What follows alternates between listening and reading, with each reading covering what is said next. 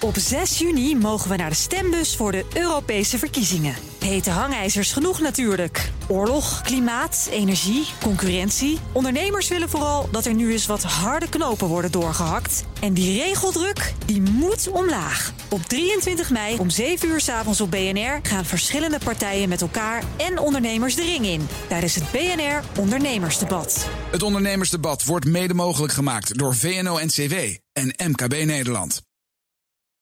De BNR Techniek Tour wordt mede mogelijk gemaakt door Wijtechniek. Wijtechniek. Samenwerken aan jouw ontwikkeling. BNR Nieuwsradio. De Techniek Tour. Martijn de Rijk.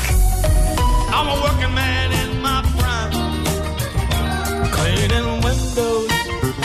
We gaan schoonmaken. Nee, geen ramenlappen, maar we gaan rivieren, oppervlaktewater schoonmaken. Ik zie eh, plastic flessen, voetbal, tassen, veel hout ook, een riet. Van alles, uh, piepschuim, petflesjes. En hoe krijg je die rommel nou uit het water? En als zo vaak blijkt voorkomen ook beter dan genezen. Zoals straks ook blijkt in de slimme koeienstal. Ja, eigenlijk als die poep en urine bij elkaar gaan komen... dan uh, ontstaat er een chemisch proces... Uh, en daarmee uh, ontstaat eigenlijk ammoniak uh, in de stal. Maar eerst naar Schiedam, naar de Vijfsluizerhaven, naar de Catchy. Vlak naast de steiger van de watertaxi, daar ligt hij, de Catchy. Wat is dat voor een gebouw daar? Ja, dat is de ingang voor, naar de Benelux-tunnel voor fietsers. Oh, We zijn inderdaad hier net boven de Benelux-tunnel. Dus, dus eigenlijk onder onze voeten het verkeer? Ja. En voor ons hoe heet het water? Uh, we zijn hier in de Vijsluizerhaven. Dus het is een klein haventje uh, bij de Nieuwe Maas. En die is tussen de gemeenten Schiedam en Vlaardingen. In het havengebied van Rotterdam. Ik ben Elise Blondel en ik ben nevelarchitect bij het bedrijf Olsies in Delft. En ik ben ook projectleider van, van het project hier in de Vijfsluizerhaven met Catchy. Dus de plastic vanger dat wij in augustus hebben geïnstalleerd. Catchy. Hij strekt zijn arm uit hè, richting het water. Ja, hij, uh, ja, hij vangt inderdaad best veel uh, zwerfafval. Door uh, zijn twee vangarmen. Dus één van 200 meter lang en één van 12 meter lang. En met behulp van wind en stroming gaat het afval langzaam het opvangbak in. Ja. Hoe ziet die arm er eigenlijk hoe, hoe zit die in elkaar? Want ik zie een soort lang langwerpig uh, drijfding. Ja. Bestaat uit uh, piepschuimblokken dus ja, die, uh, ja, die, uh, die vangarmen die bestaan uit een drijvend deel. Dus dat is het rode deel dat je ziet. Ja. En een onderwaterscherm. en daardoor kun je allebei drijvend vuil en zwevend vuil vangen. Tenminste, ja. die worden door wind en stroming geleid naar, naar de bak. Juist. En dan wordt het een beetje naar ons toe geduwd. Ja. En dan draaien we ons even om. En daar is is de bak. Ja, dus uh, alles, uh, ja, je kunt ook uh, langzaam zien bewegen met, met het wind langs de armen. En dan stroomt het langzaam in de bak. En dan wordt het gehouden tot, tot de lediging. Oké, okay. ja. Ik zie plastic flessen, voetbal, tassen, veel hout ook, een riet. Van alles, piepschuim, petflesjes, ook blikjes. Uh, riet, ja inderdaad. En ook uh, kleine stukjes, je ziet ook kleine stukjes van uh, oranje folie. Van, ja, er komt van alles in eigenlijk. Ja, ook, zie... ook mondmaskers voorlopig. Oh ja, natuurlijk ja. ja. ja. Oh ja, ik zie, ik, ja. ik zie daar een rode paprika drijven. Zeg. Ja, ik vang ook groente en fruit. Alles gewoon? Ja, alles. Van groot tot klein. We vangen ook best veel microplastics. Dus kleine piepschuimkogeltjes, maar ook die plastic pellets die gebruikt worden om plastic producten te maken. En achter ons ligt Rotterdam. Daar komt de ellende vandaan. En dat wordt dan door het water, door de stroming van het water mee richting Noordzee genomen. Ja, dus uh, ja, het, het vuil komt inderdaad vooral van, uh, van het land. Hè, van, de, van onze activiteiten. Dus van jij en ik. En, ja. en ook van bedrijven en ja, constructie en, en, van, van alles. Ja. En dan komt het de rivier terecht. En inderdaad, met stroming gaat het langzaam, langzaam naar de Noordzee. En uh, ja, hier uh, dus zijn we in een kleine haven. En uh, met, met de wind komt, komt het afval ook naar binnen en ook met de stroming. En dan ja, wordt het gevangen en dat komt niet meer de noorden in. Oké, okay, dus, dus door de wind maakt dat vuil eigenlijk als het ware even het bochtje ja, stukje dus terug. allebei door wind. Wind is vooral voor uh, drijvend vuil. Mhm. En ook stroming. En dat is uh, vooral voor uh, zwevend vuil dan. Oké, en dan hebben we het over bijvoorbeeld eb en vloed, wat dan ook een beetje... Ja, inderdaad. Dus eb gaat vanaf het land naar de zee in. En dan heb je ja, heb je inderdaad een kleine stroming die hier ontstaat. En uh, andersom, als het uh, vloed is, dan uh, kan ook het afval een beetje terugstromen. Die niet in de zee is gekomen. En ook door de stroming komt het de haven in. En dan kijken we eventjes naar, dat, naar die bak. Die hijs je er gewoon af en toe even uit. Ja, dus je hebt, je hebt eigenlijk twee onderdelen. Je hebt een drijvend frame. Dus het is een staalframe met, met een paar drijvers. Zodat het systeem drijft. En in het drijvend frame heb je een opvangbak. En die opvangbak wordt elke maand gehezen voor, voor ledigen. En hoeveel halen jullie, halen jullie er nou, nou uit, het, uit het water? Ja, het scheelt een beetje per seizoen. En, en ja, hoeveel afval er überhaupt in het water zit. Want dat is ook niet constant. En gemiddeld tot nu toe, sinds augustus, hebben wij ja, 70 tot 80 kilo vuil gevangen. Is dat nou veel? ja, dat, dat is moeilijk om te zeggen. Het hangt echt vanaf hoeveel in de haven komt. Dus je hebt ja, vuil, dus plastic. en andere vuil die, die door het rivier stroomt. En dan door wind en, en stroming heb je vuil die in de haven komt. En dan een deel daarvan wordt gevangen. Dus het is lastig te, te zeggen of het veel of niet is. Ja. Ja. Ja. En is, is, is, er iets te zeggen over welk percentage van het plastic wat hier langskomt... jullie nou uiteindelijk eruit halen? Uh, dat, dat is eigenlijk een doel van het uh, pilotproject dat wij aan het doen zijn. Dus gedurende één jaar gaan wij ook de effectiviteit van het systeem monitoren. Dus we gaan ook met een sampler, dus we hebben een, ons, ons eigen sampler bij Olsies... waar wij plastic kunnen bemonsteren, of afval kunnen bemonsteren met, met een katamaran en drie netten. En we gaan hem dus gebruiken om, om te meten hoeveel afval in de haven komt. En daarvan hoeveel uh, door het systeem uh, gevangen wordt. Dus uh, ja, dat gaan wij ook doen. We zijn nog niet daarmee begonnen. Het begint pas in 2021. Maar dat is ook een doel van dit pilotproject. Mijn naam is Wijnand Koring. Ik werk bij Rijkswaterstaat. En ik leid namens Rijkswaterstaat het project van de Catchy. En u heeft nog wat te, te catchen in Nederland, stel ik me zo voor... met al dat water en al dat plastic wat overal in het water terechtkomt. Ja, helaas wel. En uh, we hebben daar ook vanuit, uh, dat wordt geïnitieerd vanuit het ministerie, diverse programma's. Uh, allereerst wil je dat het niet in het water komt. Rijkswaterstaat beschermt mensen tegen water. Maar andersom moeten we nu het water beschermen tegen het handelen van mensen. Um, en allereerst om te voorkomen dat het in het milieu komt. Um, dus bij de bron preventief mensen duidelijk maken van gooi je spullen niet op straat, gooi je niet in het water. Afvalbakken op tijd legen is ook, ook handig. Ja, ja. ja, gedragsverandering. We doen het bijvoorbeeld langs snelwegen. Uh -huh. uh, hele programma's hebben er ook uh, contracten met opdrachtnemers, uitvoerders die dit doen voor ons. Het grote probleem is, als we hier staan bij het water hoe haal je het als het er helemaal in zit er weer uit? Ja. Daar hebben we ook programma's voor. Ja, want dat is natuurlijk uh, echt een gegeven. Als je in Rotterdam iets uh, naast de prullenbak gooit... Uh, het is een ontzettende... Het, het, waait er altijd in Rotterdam, weet ik uit ervaring. Vroeg of laat, dan komt het in het water terecht. En dan komt het hier langs. Ja, en probeert het dan nog maar eens uit te halen. Ja. Ja. Daar is natuurlijk dit project ideaal voor om te kijken van hoe effectief zijn we daarmee. Uh, en uh, mijn collega Elise heeft zo net verteld dat we ook het uh, zwerfval afvangen en analyseren. Waar komt het nu vandaan? En dat is denk ik ook belangrijk om straks te kunnen optreden richting de omgeving van... hé, hey, we vinden deze spullen van jullie terug in het water. Ah, okay. Kun je voorkomen dat dat nog een keertje gebeurt. Dus als ik een beetje denk van 70 kilo, dat is misschien niet zoveel... dan is het ook een beetje... ja, maar het wordt wel duidelijk waar het vandaan komt. En dan kun je misschien nog wat meer betekenen. Ik hoop het wel. En we denken ook dat, uh, dat is natuurlijk ook het doel van dit project... om te analyseren van hoeveel is het eigenlijk. Ook hoe effectief zijn we hier. We mogen niet midden in die vaargeul gaan bemonsteren, afvangen. Um, maar het is hopelijk wel ook een, een, een stap op weg naar het voorkomen... dat er zwerfval in het water komt.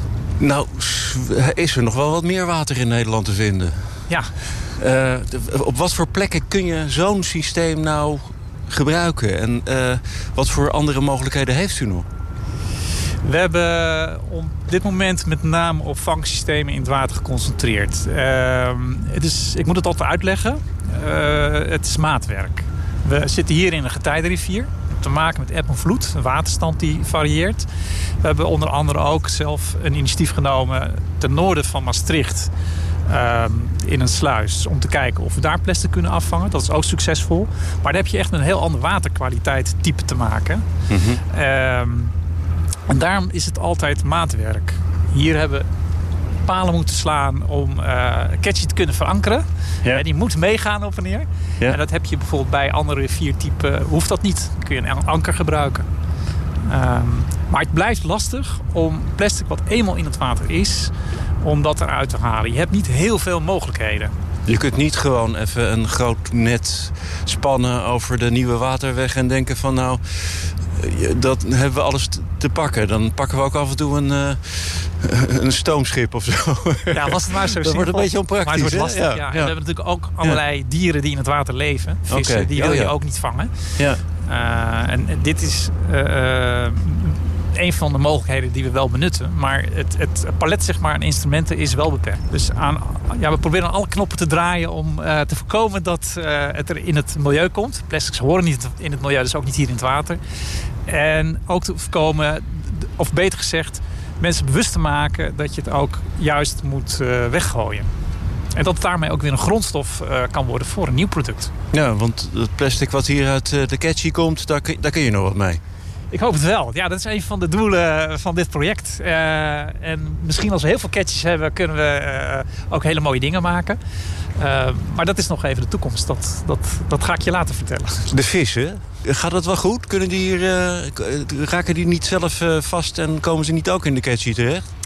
Ja, tot nu toe hebben wij wel een paar vissen gevangen. Maar uh, ja, voordat het systeem geïnstalleerd was... Uh, konden wij ook uh, vissen vinden op de stenen op de hoeven. Achter ja, waar het systeem nu is. Dan verdwaalt gewoon dus, af en toe een vis en ja, overlijdt er wel eens weet je, Het, het systeem ja. is een het is passief systeem. Er zijn geen bewegende onderdelen. en vissen die kunnen gewoon terugzwemmen als zij in, in de bak komen. Dus er zijn geen gevaarlijke elementen waardoor zij ja, vast blijven vast zitten. Blijven, of, ja. ja. En onder, uh, dat, uh, drijf, onder die drijfarm, daar kunnen ze gewoon onderdoor zwemmen? Ja, inderdaad. Dus we hebben uh, genoeg ruimte gepland... zodat, zodat vissen onder het scherm kunnen zwemmen. En dan naar, het, naar de natuurgebied kunnen gaan... die achter de, de, grote afleider is. Ja, natuurgebied wordt hier hard gewerkt hier naast ons nog. Dit is een natuurgebied. Dat is, de gemeente Schiedam probeert daar wilde dieren To attract, wat is dat in het Nederlands? Aantrekken. Oh ja. ja. Dus de gemeente Schiedam probeert uh, wilde dieren uh, aan te trekken in het uh, natuurgebied. Dus ook een informatiebord een beetje verder. En blijkbaar zijn er, ik heb ze nog niet gezien, maar blijkbaar zijn, zijn er ook af en toe zeehonden en, en voor dat soort dieren. Dus ja, dat is ook de reden waarom wij zo een lange vangarm hebben geplaatst. Zo komt het vuil ook niet in het natuurgebied. En net als we weg willen gaan, dan valt ons oog op een groot stuk wit plastic. Ik kan niet zien waar dit vandaan komt. Is dat daar daarboven? Is dat niet een telefoonnummer? ah! Ja, we hebben... Ja, en ik weet niet of dat geadresseerd is. Daar komt het wel vandaan, denk ik. Dus uh, dit is een mooi voorbeeld uh, van herleiden, determineren waar het vandaan komt. Maar dit wil je dus niet terugzien hier. Kijk, een plastic pellet. Ha, een piepschuim nog. Dat de prullenbak in, toch? Ja.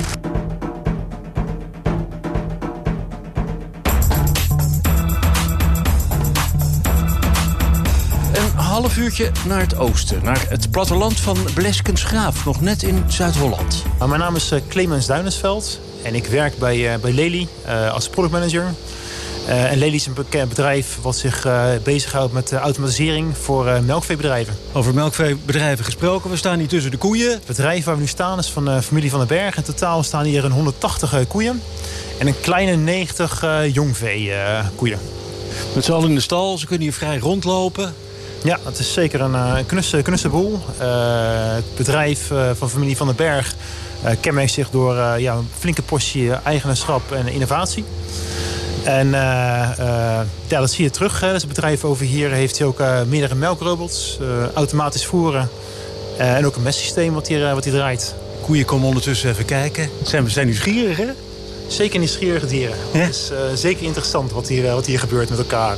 Ja, we hebben, we hebben echt een, een klein, eh, een klein beetje bekijks. Zo, dan laat een van de dames wat lopen. Ja, het geluid wat u daar hoorde, mensen op de radio, is, ja, is een, Een flinke, koe. Een flinke plas, plassende koe, klopt helemaal. en dat gebeurt hier op, op willekeurige plekken. De koe bepaalt zelf waar ze plast. En gemiddeld toch wel zo'n eh, zo'n tien keer per dag dat er even een eh, plas, eh, flinke plas uitkomt. Ja. En eigenlijk bij een traditioneel bedrijf met een normale roostervloer...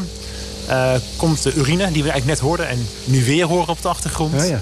eh, komt bij elkaar met, met de mest. En dan krijg je drijfmest. Klopt helemaal. Dus eigenlijk, zeg maar, er zitten ja, meerdere elementen in die je eigenlijk uit elkaar zou willen houden. Ja, die komen nu wel bij elkaar in de kelder onder deze stal. En wat is dan het eh, probleem van het door elkaar gooien van die poep en die urine? Nou, eigenlijk als die poep en urine bij elkaar gaan komen, dan eh, ontstaat er een eh, chemisch proces. En daarmee ontstaat er eigenlijk ammoniak in de stal. Dat is eigenlijk ja, best, wel een, een best wel een dingetje om het zo uit te roepen. Ten eerste zelf voor de veehouder.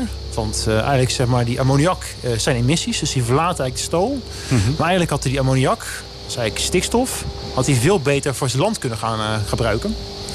Eh, en ten tweede is het eh, ook een, een probleem voor fragiele natuurgebieden, zoals Natura 2000 gebieden. Ik, ik wou net zeggen, we lezen er elke dag over in de kranten... dat die ammoniak beter niet zo de lucht in kan, zou ik maar zeggen. Nee, nee klopt helemaal. Vooral in gebieden waar planten staan die heel goed gedijen op, op stikstof.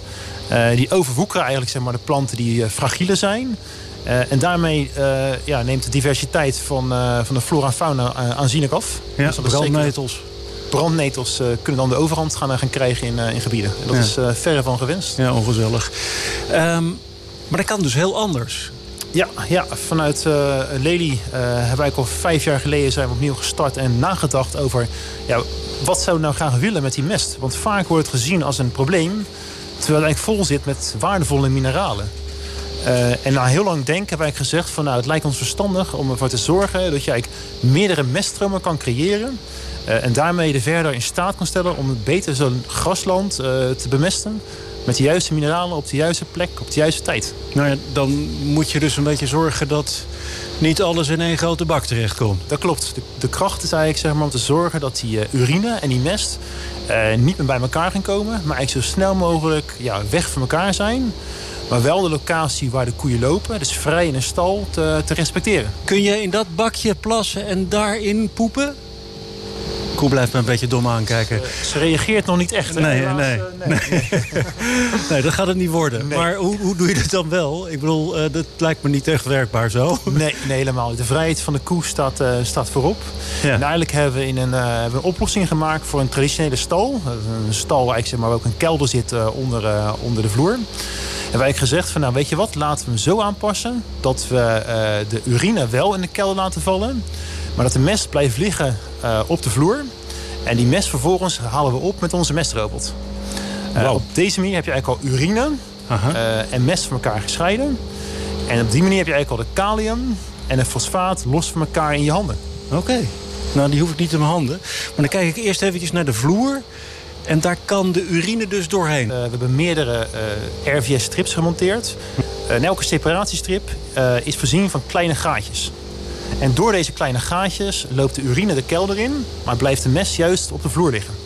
Oké, ja, er liggen hier inderdaad eh, flinke kledders zo hier en daar. Ja. En hoe kom, je, hoe kom je daar dan vanaf? Ik hoorde al iets over een robot. Dit bedrijf is voorzien van eh, meerdere mesrobots. Eh, en elke mesrobot rijdt maximaal twee uur, maakt hij de hele stal schoon. En haalt hij eigenlijk de mest op. En die mest die stort hij weer op een plek neer. Waarbij je dus veel geconcentreerder de mest eh, kan ophalen. En het geluid dat we nu horen op de achtergrond, mensen, is de mest die valt. Eh, En, en die mesrobot die draait gewoon rustig zijn rondjes, komt af en toe langs. Het belangrijke van de mesrobot is dat hij ook weer het vrije koeverkeer eh, accepteert. Hij is vrij compact van de afmetingen. eh, verstoort de kudde niet. Hè. Juist de rust in de kudde is, eh, is essentieel. Eh, en eigenlijk middels eh, gebruik van een vacuüm. Dus de tank eh, kan gevuld worden met mest. Je gebruikt een vacuüm om de mest te, te verzamelen. De mest houdt hij vast. En op een gegeven moment rijdt hij terug naar een dumpgat. Uh, daar laat hij het vacuüm los. En alle mest valt uh, in, het, in een separate kelder. Om zo de mest los in je handen te hebben. Nou. Dus op deze manier wel twee van de drie meststromen kunnen realiseren. Komt er nog een automatische voerrobot aan? Hoeft hier helemaal niemand te werken, geloof ik. Behalve nee, de koeien. Eigenlijk wat we proberen te doen is het repeterende werk zoveel mogelijk ja, weg te nemen van de verder. Dat hij echt kan concentreren op de belangrijke taken voor zijn bedrijf. Ja. En zijn hobby's. En, en zijn hobby's en zijn vrouw. En leuke dingen in het leven. En zelfs dit hoeft niet te gebeuren. Dit is waar het eigenlijk om gaat, hè, natuurlijk. Uh, dit is het, uh, het melken wat hier gebeurt. Klopt. Uiteindelijk het melken is uh, zeker, zeker belangrijk voor onze, voor onze dames. En ja, daar zijn we als bedrijf ook groot, groot mee geworden. De melkrobot. Dat klopt, dat klopt. Alleen ja, naast melken richten we ons ook heel erg op, op voeren, zoals net gezien. En een derde tak om mest zeker groter te gaan, het gaan maken. Om uit alle aspecten van het bedrijf goed te kunnen belichten. Terug naar ons afvalprobleem. We hadden al twee reststromen te pakken. Inmiddels staan we nu buiten uh, bij de stal. En we zijn aangekomen eigenlijk bij de machine die zorgt voor de derde meststroom.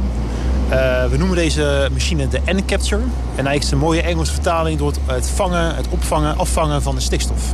En de, oh, de, de N-capture, hij, hij grijpt de N. De, precies. precies, de stikstof. Het, uh, heel beeldend uh, ja. uh, omgeven. Ja. Om een beetje gevoel te krijgen op de, op de radio... is het een, ja, een apparaat van een drie meter lang, drie meter hoog... en ongeveer anderhalve meter breed. Ja. en het simpele hiervan is dat we eigenlijk direct plaatsen... op de mixput van de, van de, van de stal. Eigenlijk elk traditioneel bedrijf heeft een, heeft een mixput. die maakt eigenlijk de verbinding met de kelder... Uh, en geeft de verder de mogelijkheid om uh, de urine uh, en de mest, de drijfmest, normaal uit zijn kelder te halen. nou, wat doen wij? Wij plaatsen deze N-capture op deze mixput. En zoals gezegd, alle lucht in de kelder en net boven de die zuigen we af en zetten we om in een vloeistof. Nou, deze lucht is voorzien van ammoniak. En juist deze ammoniak, de stikstof, willen we graag opvangen en omzetten naar een derde meststroom. Nou, dat zuur met water heeft de eigenschap om het ammoniak te kunnen vangen. En eigenlijk om te kunnen zetten naar, uh, een beetje een technisch woord, maar ammonium. En ammonium is eigenlijk uh, ammoniak opgelost in water. Uh, en als we even heel kort de andere kant op kijken... Ja. staat er een hele grote silo. Yes. een meter of ja, zeker 8 à 10 hoog. Met erin eigenlijk dus de ammoniumoplossing... die de verder kan gaan gebruiken als derde meststroom voor zijn, voor zijn grasland. Nou, dan hebben we eigenlijk alles mooi gescheiden ingeschakeld, of ingezameld, hè, Precies, precies. En eigenlijk is er een kracht uh, ontstaan. Want normaliter, uh, als je uitgaat weer van de, de huidige situatie... waar je drijfmest gebruikt... dan heb je ook vaak kunstmest nodig... om je mineralen aan te vullen op je grasland. En eigenlijk wat we nu aan het doen zijn... zijn de emissies die de stal verlaten... zetten wij ook om naar kunstmestvervanger. Dus door het systeem uh, gaat de verder ook gelijk minder kunstmesten aanschaffen. Uh, en daarbij is ook gewoon direct een, een, financiële baat voor de eigenaar van het, uh, van het systeem komt erbij. Hoeveel, hoeveel stikstof scheelt het nou? Nou, wij claimen met ons systeem dat we de 70% van de stikstofemissies, de ammoniakemissie in de stal gaan reduceren. 70 procent? 70 procent. Dat, dat, dat zit wel echt zoden aan de dijk, hè? Zeker weten. Het maakt grote stappen. Uh, inmiddels zijn we ook uh, druk bezig met onze RAF-metingen. Dat is benodigd voor de officiële erkenning. Uh, we zijn al voorbij de 60 procent. een aantal bedrijven zijn al afgerond. en we verwachten ook een goedkeur op ons systeem midden volgend jaar. Zodat we ook ja, verder kunnen gaan met onze roll-out-plan. En nog even de koeierendag zeggen. Het ruikt hier eigenlijk helemaal niet zo stallig, vind ik. Dat is... Nee, dat klopt. En ook een, uh, een goede controle is eigenlijk als je vanavond uh, thuis komt... en uh, aan je partner vraagt van nou, hoe Waar was ben je ik geweest? Waar ben ik geweest? Dat ze eigenlijk niet zegt van nou, je ruikt naar de stal. Het is echt een heel ander stalklimaat wat we hier realiseren. Hè. Juist door het afzuigen zijn alle stalgassen weg... en ook die penetrante lucht van ammoniak is gewoon niet meer in de stal. Kijk, daar kunnen de koeien niet tegen zijn. En dat was het voor vandaag. Maar ook volgende week, dan gaan we gewoon weer op Techniek Tour.